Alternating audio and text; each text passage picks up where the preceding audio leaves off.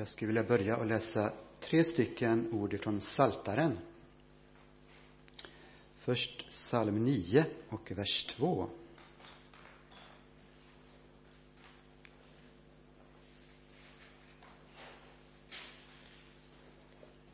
Jag vill tacka Herren av hela mitt hjärta. Jag vill förkunna alla dina under.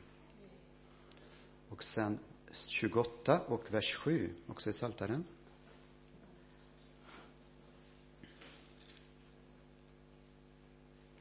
Herren är min styrka och min sköld. På honom litar mitt hjärta. Jag får hjälp och mitt hjärta jublar. Honom vill jag tacka med min sång. Och sen psalm 105 och vers 1.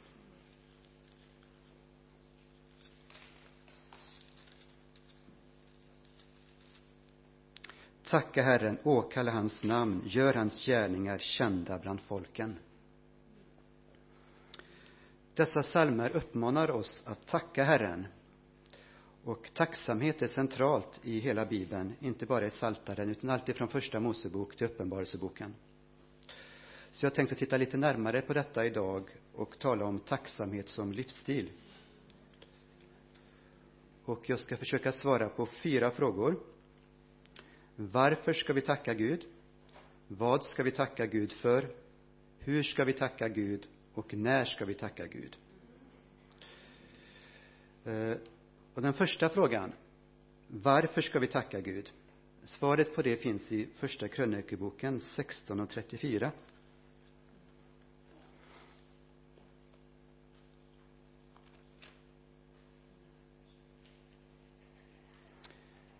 Tacka Herren, för han är god, evig är hans nåd.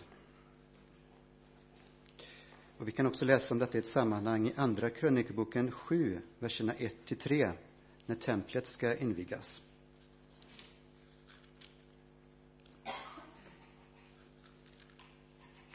När Salomo hade slutat sin bön kom eld ner från himlen och förtärde brännoffret och slaktoffren, och Herrens härlighet uppfyllde huset. Prästerna kunde inte gå in i Herrens hus eftersom Herrens härlighet uppfyllde Herrens hus. När alla Israels barn såg hur elden kom ner och såg Herrens härlighet över huset föll de ner på den stenlagda gården med ansiktena mot marken och tillbad Herren och tackade Herren, för han är god och hans nåd är evig. När vi tackar Herren så får vi också till rätt perspektiv på livet. Det är han som är stor och det är vi som är, det är han som har skapat oss. Och ändå får vi av nåd vara får i hans jord.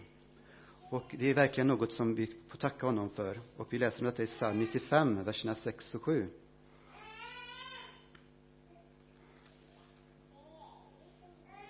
Kom, låt oss falla ner och tillbe, böja knä för Herren, vår skapare. För han är vår Gud och vi är folket i hans jord, fåren i hans vård.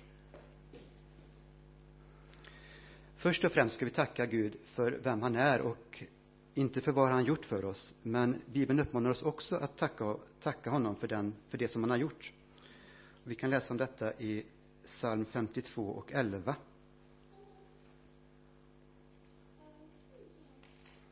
Jag ska tacka dig i evighet för det du har gjort. Inför dina trogna ska jag hoppas på ditt namn, för det är gott. Och eh, eftersom Jakob skriver i sitt, sitt brevs första kapitel, vers 17 vers 17. Att allt det goda vi får kommer ifrån Herren. Jag ska läsa här ett ögonblick. Allt det goda vi får och varje fullkomlig gåva är från ovan. Det kommer ner från ljusens far som inte förändras eller växlar mellan ljus och mörker. Så vi har verkligen mycket att tacka honom för. Och allt det goda vi får, det kommer ifrån honom. Men det allra största vi har att tacka honom för, det ser vi i vers 18 i samma kapitel, Jakob 1 och 18. I kraft av sin vilja har han fött oss på nytt genom sanningens ord till att vara en förstlingsfrukt bland dem som han har skapat. Och i Petrus, första Petrusbrevet 1, 3-4 så läser vi också om detta. Välsignad är vår Herre Jesu Kristi Gud och Far i sin stora barmhärtighet har han genom Jesu Kristi uppståndelse från de döda fött oss på nytt till ett levande hopp, till ett arv som aldrig kan förstöras, fläckas eller vissna och så förvaras åt er i himlen. Så det är frälsningen, det är vårt absolut största tax, tacksägelseämne, det som vi har absolut störst anledning att tacka Gud för. Men det finns också ett annat viktigt tacksägelseämne som Paulus återkommer till gång på gång i sina brev. Och det är att tacka för syskonen. Eh, Paulus skriver till exempel i första Korinthierbrevet 1 och 4.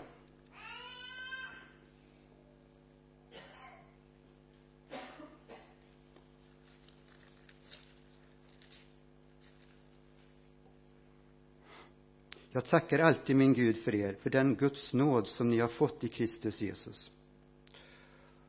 Och i Efesierbrevet 1, 15-16 skriver han till församlingen i Efesos.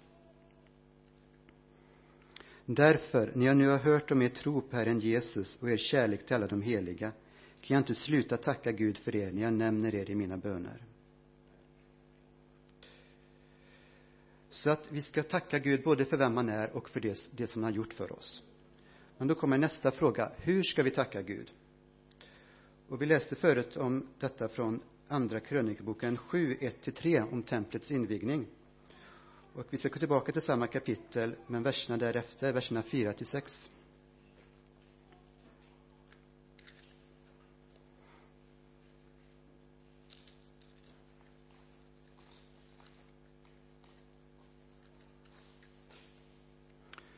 Och kungen och hela folket offrade slaktoffer inför Herrens ansikte. Kung Salomo offrade som slaktoffer 22 000 tjurar och 120 000 av småboskapen. Så invigdes Guds hus av kungen och hela folket.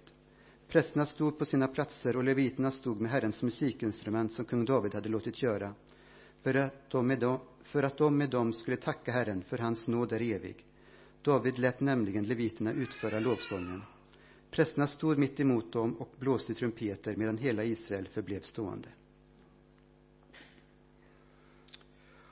Och eh, vi läser här om hur de särskilda tjänarna i templet, leviterna, tackade Herren med musikinstrument som David hade låtit göra.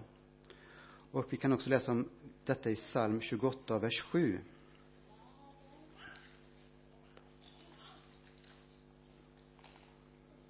Herren är min styrka och min sköld, på honom litar mitt hjärta. Jag får hjälp och mitt hjärta jublar. Honom vill jag tacka med min sång. Och i psalm 33 och vers 2. Tacka Herren med harpa, sjung hans lov med tiosträngad lyra. Så att här och på flera andra ställen i Saltaren kan vi läsa om att vi ska tacka Herren med musikinstrument och med sång. Och få uttrycka tacksamheten med sång och musik, det är centralt. För i frälsningen har vi fått en ny sång i våra hjärtan. Och det är med den som vi vill uttrycka vår tacksamhet. Och vi läser om detta från psalm 40 och verserna 1 till 4.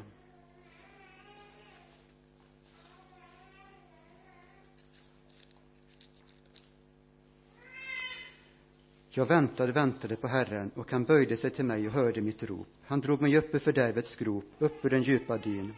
Han ställde mina fötter på klippan och gjorde mina steg fasta. Han la en ny sång i min mun, en lovsång till vår Gud. Många ska se det och frukta och förtrösta på Herren.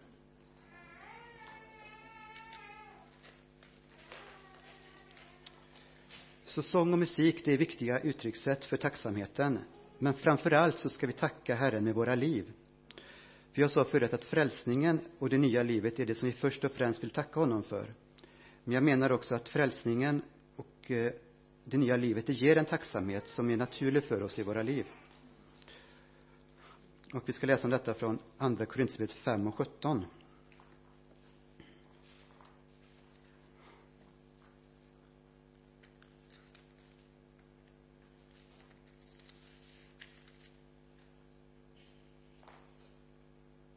Om någon är i Kristus är han alltså en ny skapelse. Det gamla är förbi, något nytt har kommit. Vi har fått en ny sång, vi har fått ett nytt liv som vi vill tacka honom med. Och vi kan också läsa om detta i Kolosserbrevet 3 och vers 10.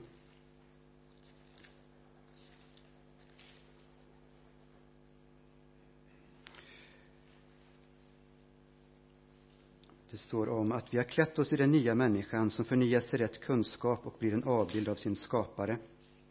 Här är ingen längre grek eller jude, omskuren eller oomskuren, barbar, skyt, slav eller fri, utan Kristus är allt och i alla. Klä er därför som Guds utvalda, heliga och älskade, innerlig barmhärtighet, godhet, ödmjukhet, mildhet och tålamod. Ha överseende med varandra och förlåt varandra om ni har något att anklaga någon för. Så som Herren har förlåtit er ska ni förlåta varandra. Och över allt detta ska ni klä er i kärleken, bandet som förenar till fullkomlig enhet. Låt Kristi frid regera era hjärtan, den frid ni är kallade till i en och samma kropp, och var tacksamma. Låt Kristi ord rikligt bo hos er med all sin vishet. Undervisa och förmana varandra med salmer, hymner och andliga sånger, och sjung till Gud med tacksamhet i era hjärtan. Och allt vad ni gör i ord eller handling, gör det i Herren Jesu namn och tacka Gud Fadern genom honom. Så vi uppmanas att vara tacksamma och göra allt i våra liv i Herren Jesu namn. Och tacksamheten som det nya livet ger oss bidrar också till andra perspektiv på livet. Vi kan läsa om detta från första Timoteusbrevet 6, verserna 6 till 8.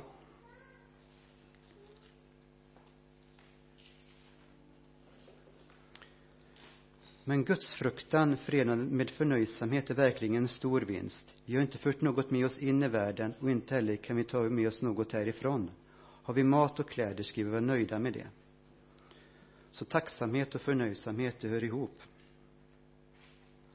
Så till den sista frågan, när ska vi tacka Gud? Vi kan läsa i första krönikeboken 23 och 30 igen.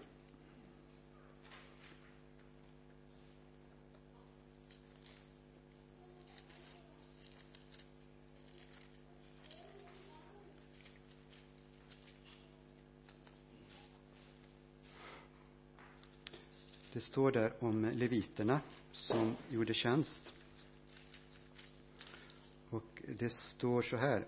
Varje morgon skulle de tacka och lova Herren och likaså varje kväll. Så det är bra att ha särskilda tider på dygnet då man tackar Herren. Eh, för det kan vara lätt annars att vi glömmer bort allt det goda som man har gjort, allt det goda som vi har fått, som Jakob skrev om i sitt brev, att allt det goda vi får kommer ifrån honom. Eh, men när vi har tacksamheten som en livsstil så finns tacksamheten med oss hela dagen i alla livets situationer.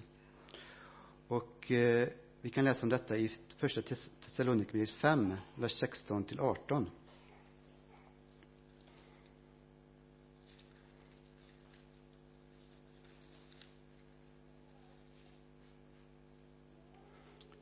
Var alltid glada, be utan uppehåll och tacka Gud i allt.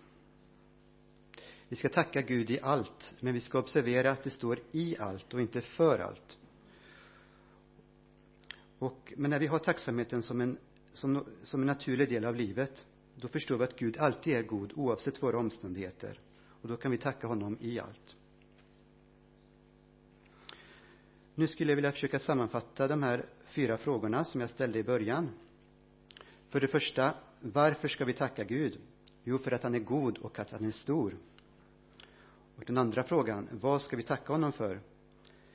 För att den han är och allt det goda som vi får, först och främst frälsningen och även syskonen. Och den tredje frågan, hur ska vi tacka Gud? Vi ska tacka med våra liv. Och det kan vi göra på många olika sätt. Och där är sång och musik två naturliga uttryckssätt för den nya sången som vi har fått i våra hjärtan i frälsningen. Och den sista frågan, när ska vi tacka Gud? Alltid, i allt, men inte för allt. För tacksamheten är en naturlig del av det nya livet. Amen.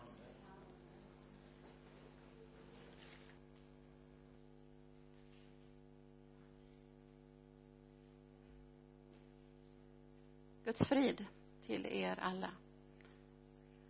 Och tack Anders för tacksägelse i våra liv. Vi ska tacka Herren i allt. Han är med oss i allt. Ehm, jag och Anders, vi har inte pratat med varandra om vad vi skulle prata om. Så det kanske tangerar varandra någonstans. Det får ni avgöra.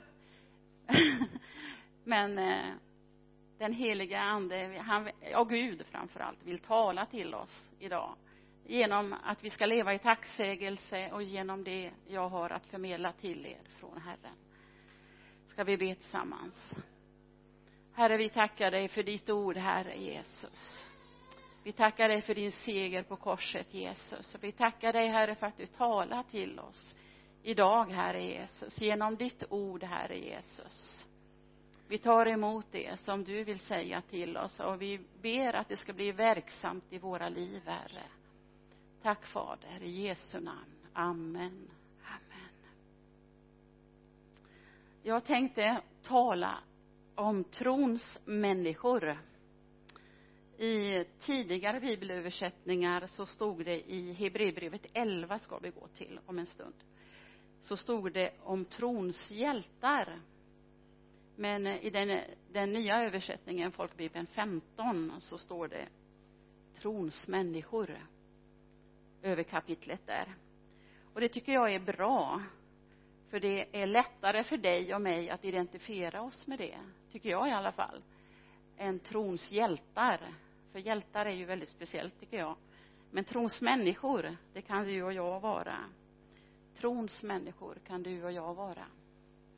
Det står i Romarbrevet, jag ska citera Romarbrevet 10 och 4. Då står det Kristus är lagens fullbordan till rättfärdighet för var och en som tror.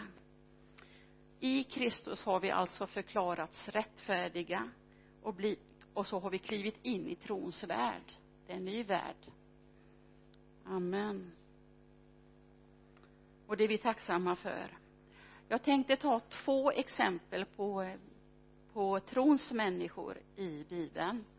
Och jag tänkte utgå ifrån Hebreerbrevet då. Och det, de två människorna, trons människor, det är Noa och den andra är Rahab. Och eh, Noa återfinner vi i Hebreerbrevet 11, vers 7.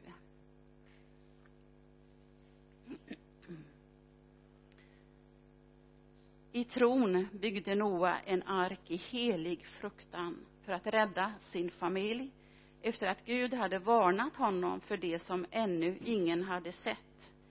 Genom tron blev han värden till dom och ärvde den rättfärdighet som kommer av tro. I tron byggde Noa en ark i helig fruktan. Han byggde en ark för att rädda de sina och, eh, och djurarterna. För Gud hade varnat honom, Gud hade talat till honom. Och han, tro, och han trodde Gud och han gjorde det som Gud bad honom att göra. Gud sa bygg en ark. Och han gjorde det, han lydde. Och så står det så här också där, det vi läste då. Och han ärvde den rättfärdighet som kommer av tro. Rättfärdigheten av tro. Och här ser vi då väldigt tydligt att tro och handling, det hör ihop. Och vi kan också se att Noa, Noa han återfinns i Jesus släkttavla i Lukas evangeliet 3 och 36. 38. Jag älskar de här uppräkningarna faktiskt. På eh, släktleden. För att man hittar sådana guldkorn där. Och vi återfinner Noa i vers 36. Lukas 3, 36. Han var son till Arpaxad, son till Sem, son till Noa, son till Lemek. Alltså, Noa var son till Lemek. Son till Adam, son till Gud. Han är med i Jesus släktled och så, så fram, framöver så kommer Jesus då. Och Noa, jag ska bara säga vad det namnet betyder. Det betyder tröst. Hans far Lemek sa när han föddes så här. Han ska trösta oss, alltså sonen skulle trösta dem, när vi brukar jorden som Herren har förbannat. Det här, I och med syndafallet så hade Herren förbannat jorden och den det var ett tufft och tungt liv för människorna. Men Lemek sa, han ska trösta oss när vi brukar den här jorden. Och om Rahab då så läser vi i Hebreerbrevet 11, vers 31. Genom tron slapp den prostituerade Rahab att gå under med dem som inte trodde eftersom hon välkomnade spejarna som vänner. Genom tron alltså, så slapp hon gå under tillsammans med dem som inte trodde. Det är alltså skillnad. För hon hade en tro som var verksam i handling. hon vad gjorde hon? Jo hon välkomnade spejarna från Israel. Och denna Rahab som återfinns i Jesus släkttavla det är kanske den här Rahab. För hon det alltså de lärda teologerna tvistar om detta men men en del tror ju att det här är den Rahab som dyker upp i Jesus släkttavla i Matteus 1 och 5 nu läser vi den också? Det är en härlig uppräkning där också. Fram till Jesus. Salmon blev far till Boas genom Rahab. Boas till Obed genom Rut. En kvinna till som dyker upp där som inte var av Israels stam. Obed blev far till Isai och Isai blev far till kung David och så vidare. Fram till Jesus. Så här har vi Rahab nu ska vi gå till gamla testamentet. Vad säger gamla testamentet om Noa? Det står så här bland annat. Han hade funnit nåd inför Gud. Han vandrade med Gud. Han var rättfärdig en rättfärdig man och fullkomlig. Kan ni tänka er en fullkomlig människa bland sina samtida? Han var far till tre hans söner är viktiga också. Sem, Ham och Jafet.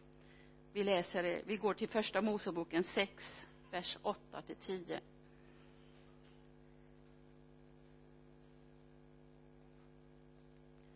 men Noa hade funnit nåd inför Herrens ögon. Detta är Noas fortsatta historia. Noa var en rättfärdig man och fullkomlig bland sina samtida. Han vandrade med Gud och Noa blev far till tre söner Sem, Ham och Jafet. Och semiterna kommer från Sem. Det är alltså Guds egendomsfolk. Och eh,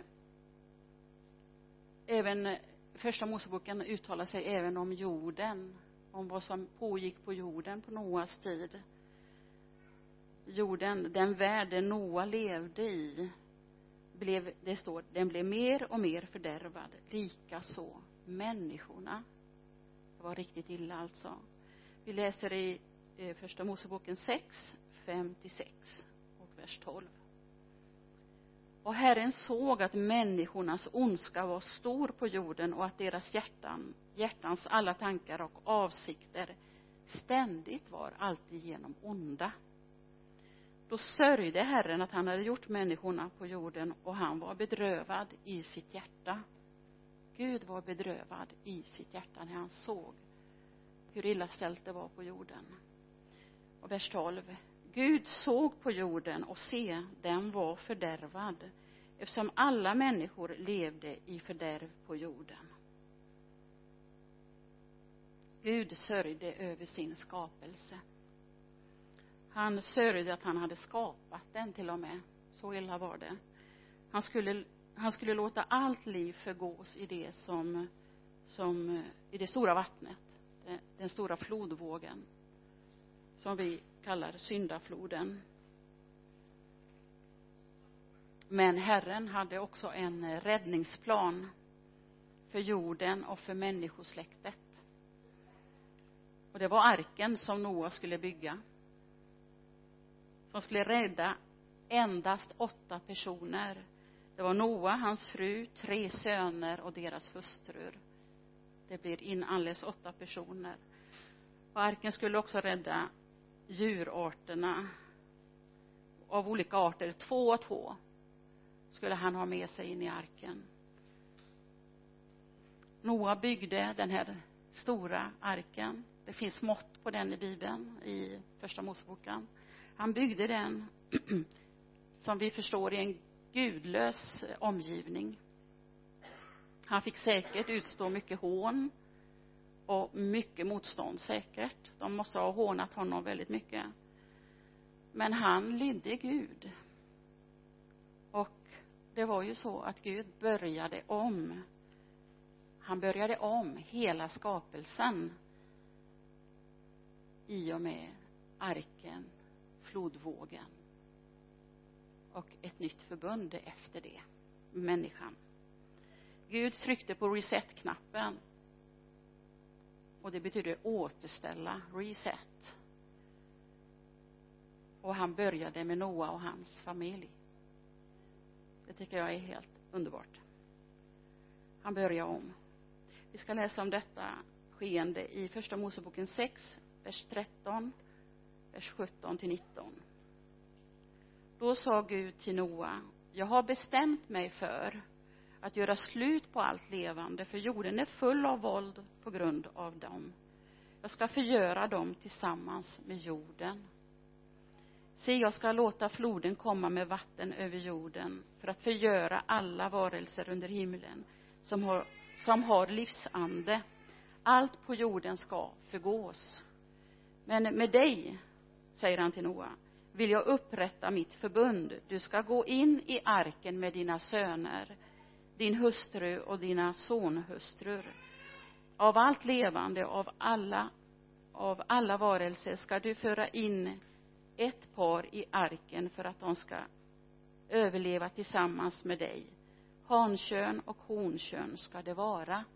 Och vers 22 och Noa gjorde så han gjorde i allt som Gud hade befallt honom. Amen. Efter syndafloden som hade dränkt allt levande på jorden så slöt Gud ett förbund med Noa. Och då säger han så här så står det i Guds ord i första Moseboken 9, 13 och 15 efter floden så står det här. Min båge min regnbåge. Sätter jag i skyn och den ska vara tecknet på förbundet mellan mig och dig mellan mig och jorden. Och så lovar Gud och vattnet ska inte mer bli en flod som, flod som utplånar allt liv. Amen. Gud började om. Och det ska inte mer komma en flod som utplånar allt liv. Noa blev som det står i en biblisk engelsk biblisk uppslagsbok the second father of mankind. The second father of mankind. Alltså den andra efter Adam förfadern till människosläktet. På grund av hans tro och lydnad. Amen då ska vi gå till Rahab. Vad säger gamla testamentet om Rahab? Grunden till att hon står bland trons människor i Hebreerbrevet 11 det står så här om henne. Hon blev rättfärdig genom trons handling. Och hon blev faktiskt införlivad bland Guds Israels folk och eh, bakgrunden till eh, Rahabs ingripande i Israels historia den återfinns i Josua kapitel 6 och det kapitlet handlar om Jerikos fall. Det står i Josua 6 vers 1 att Jeriko som israeliterna behövde inta för att komma in i landet Jeriko var stängt och tillbommat för Israels barn och ingen gick ut eller in. De hade stängt. Det var en mur, mur runt Jeriko. De hade stängt bommarna. Ingen gick ut eller in. Vers 2 Josua 6.2 men Gud hade sagt till Josua Israels ledare vid den tiden jag har gett Jeriko med dess kung och dess tappra stridsmän i din hand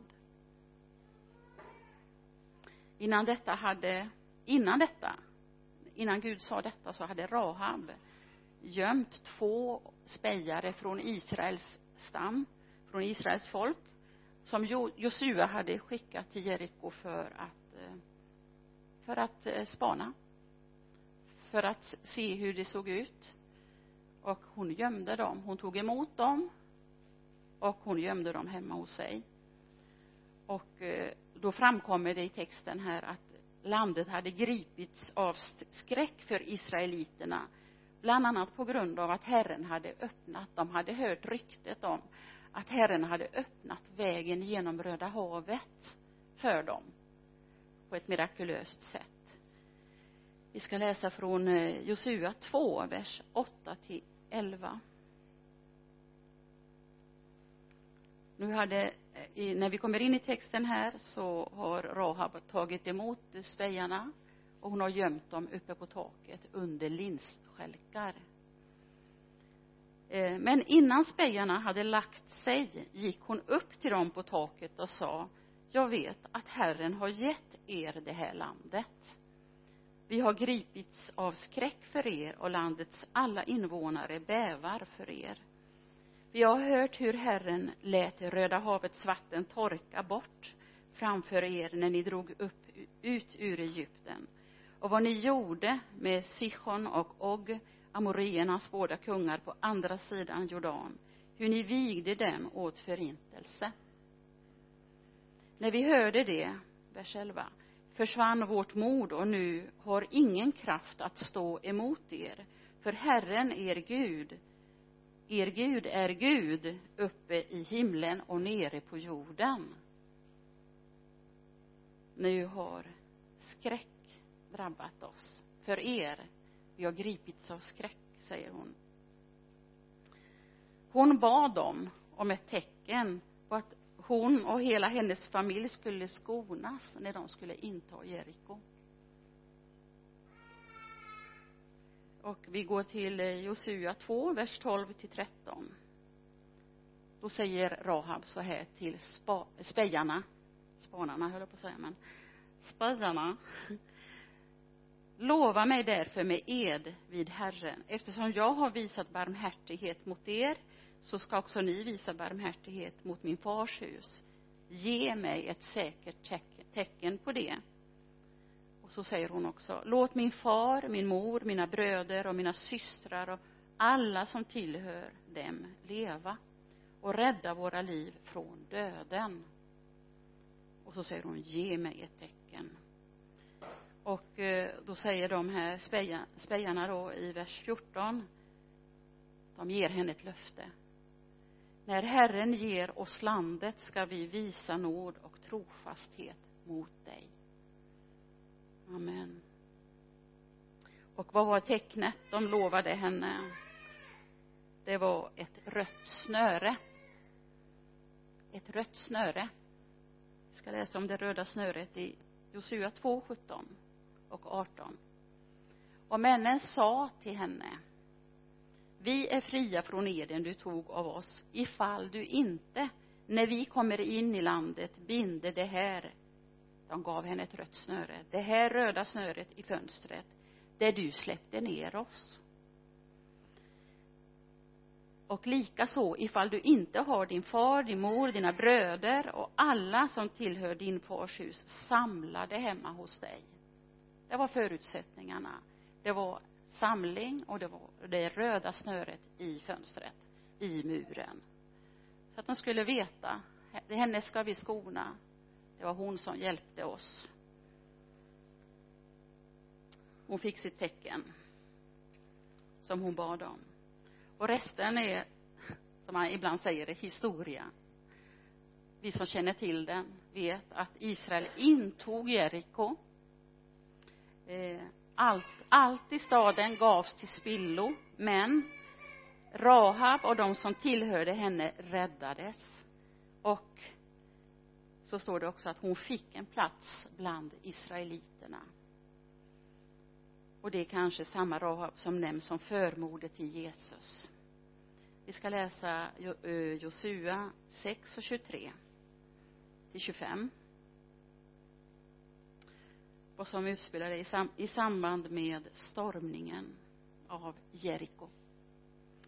Eh, 23. Då gick de unga spejarna in och hämtade ut Rahab och hennes far och mor. De gick in och hämtade ut henne. Hennes bröder och alla som tillhörde henne. Hela hennes släkt hämtade de ut och lät dem stanna utanför Israels läger i säkerhet men staden och allt som fanns i den brände de endast silvret och guldet och det som var av koppar, koppar eller järn lade de till skatten i Herrens hus den prostituerade Rahab och hennes fars hus och alla som tillhörde henne lät Josua leva. Och så står det så här. Det här tycker jag är stort. Hon bor bland israeliterna än idag därför att hon gömde spejarna som Josua hade sänt för att speja vid Jeriko. Visst är det fantastiskt? Hon fick en plats bland Israels folk amen. Eh, jag ska bara ta en kort eh, beskrivning av vad hennes namn betyder. Rahab betyder bred i betydelsen välkomnande. För henne var ju israeliterna faktiskt ett främmande folk som skulle till och med inta hennes stad. Men hon, hon visste vad Herren hade gjort för Israel och genom Israel så hon tog emot dem, hon välkomnade den. Och det tycker jag var otroligt modigt gjort av en, en kvinna i den här positionen. Mycket modigt gjort. Och här ser vi också ännu ett exempel på att namn i bibeln har en väldigt stark betydelse. Ehm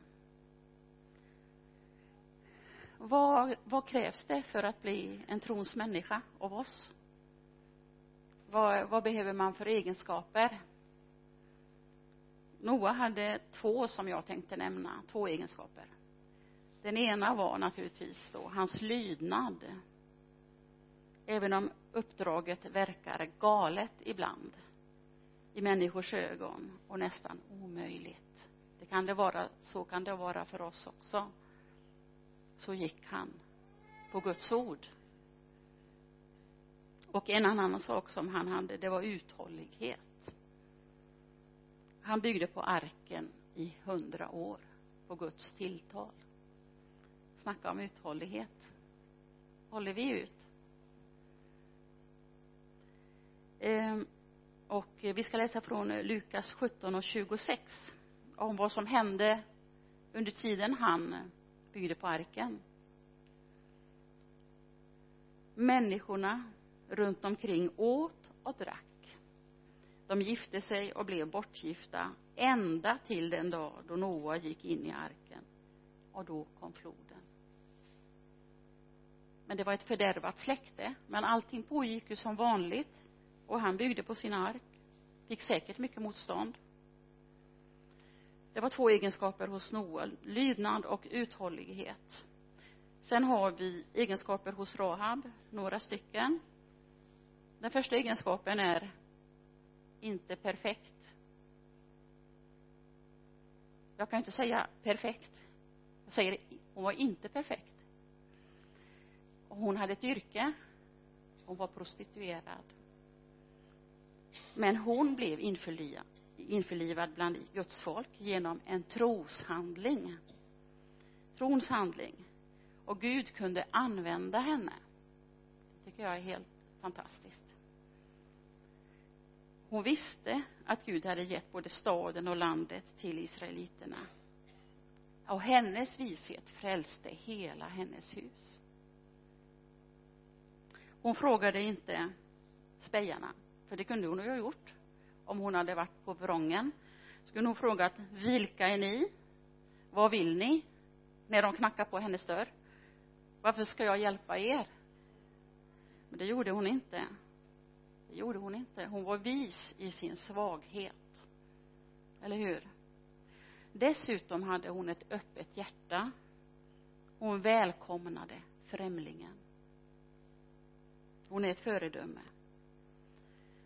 Amen till sist nu då så ska jag knyta ihop det här.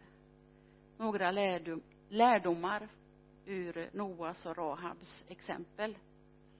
För det första tro och handling hör ihop. Amen. Jakob säger i, i nya testamentet människan erkänns som rättfärdig genom gärningar och inte bara genom tro. Jag ska läsa från Jakobs brev 2 och 24 och 25 till 26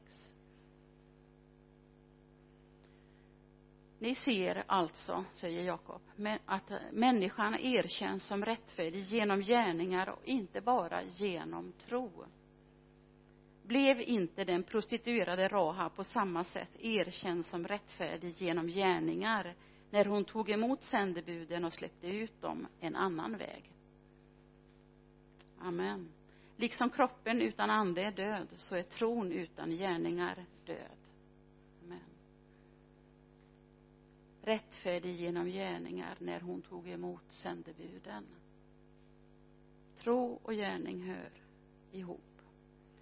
Och för det andra vad vi kan lära oss av det här det är att Jesus säger vaka och be. Jesus säger vi läser från Lukas 21 34 till 36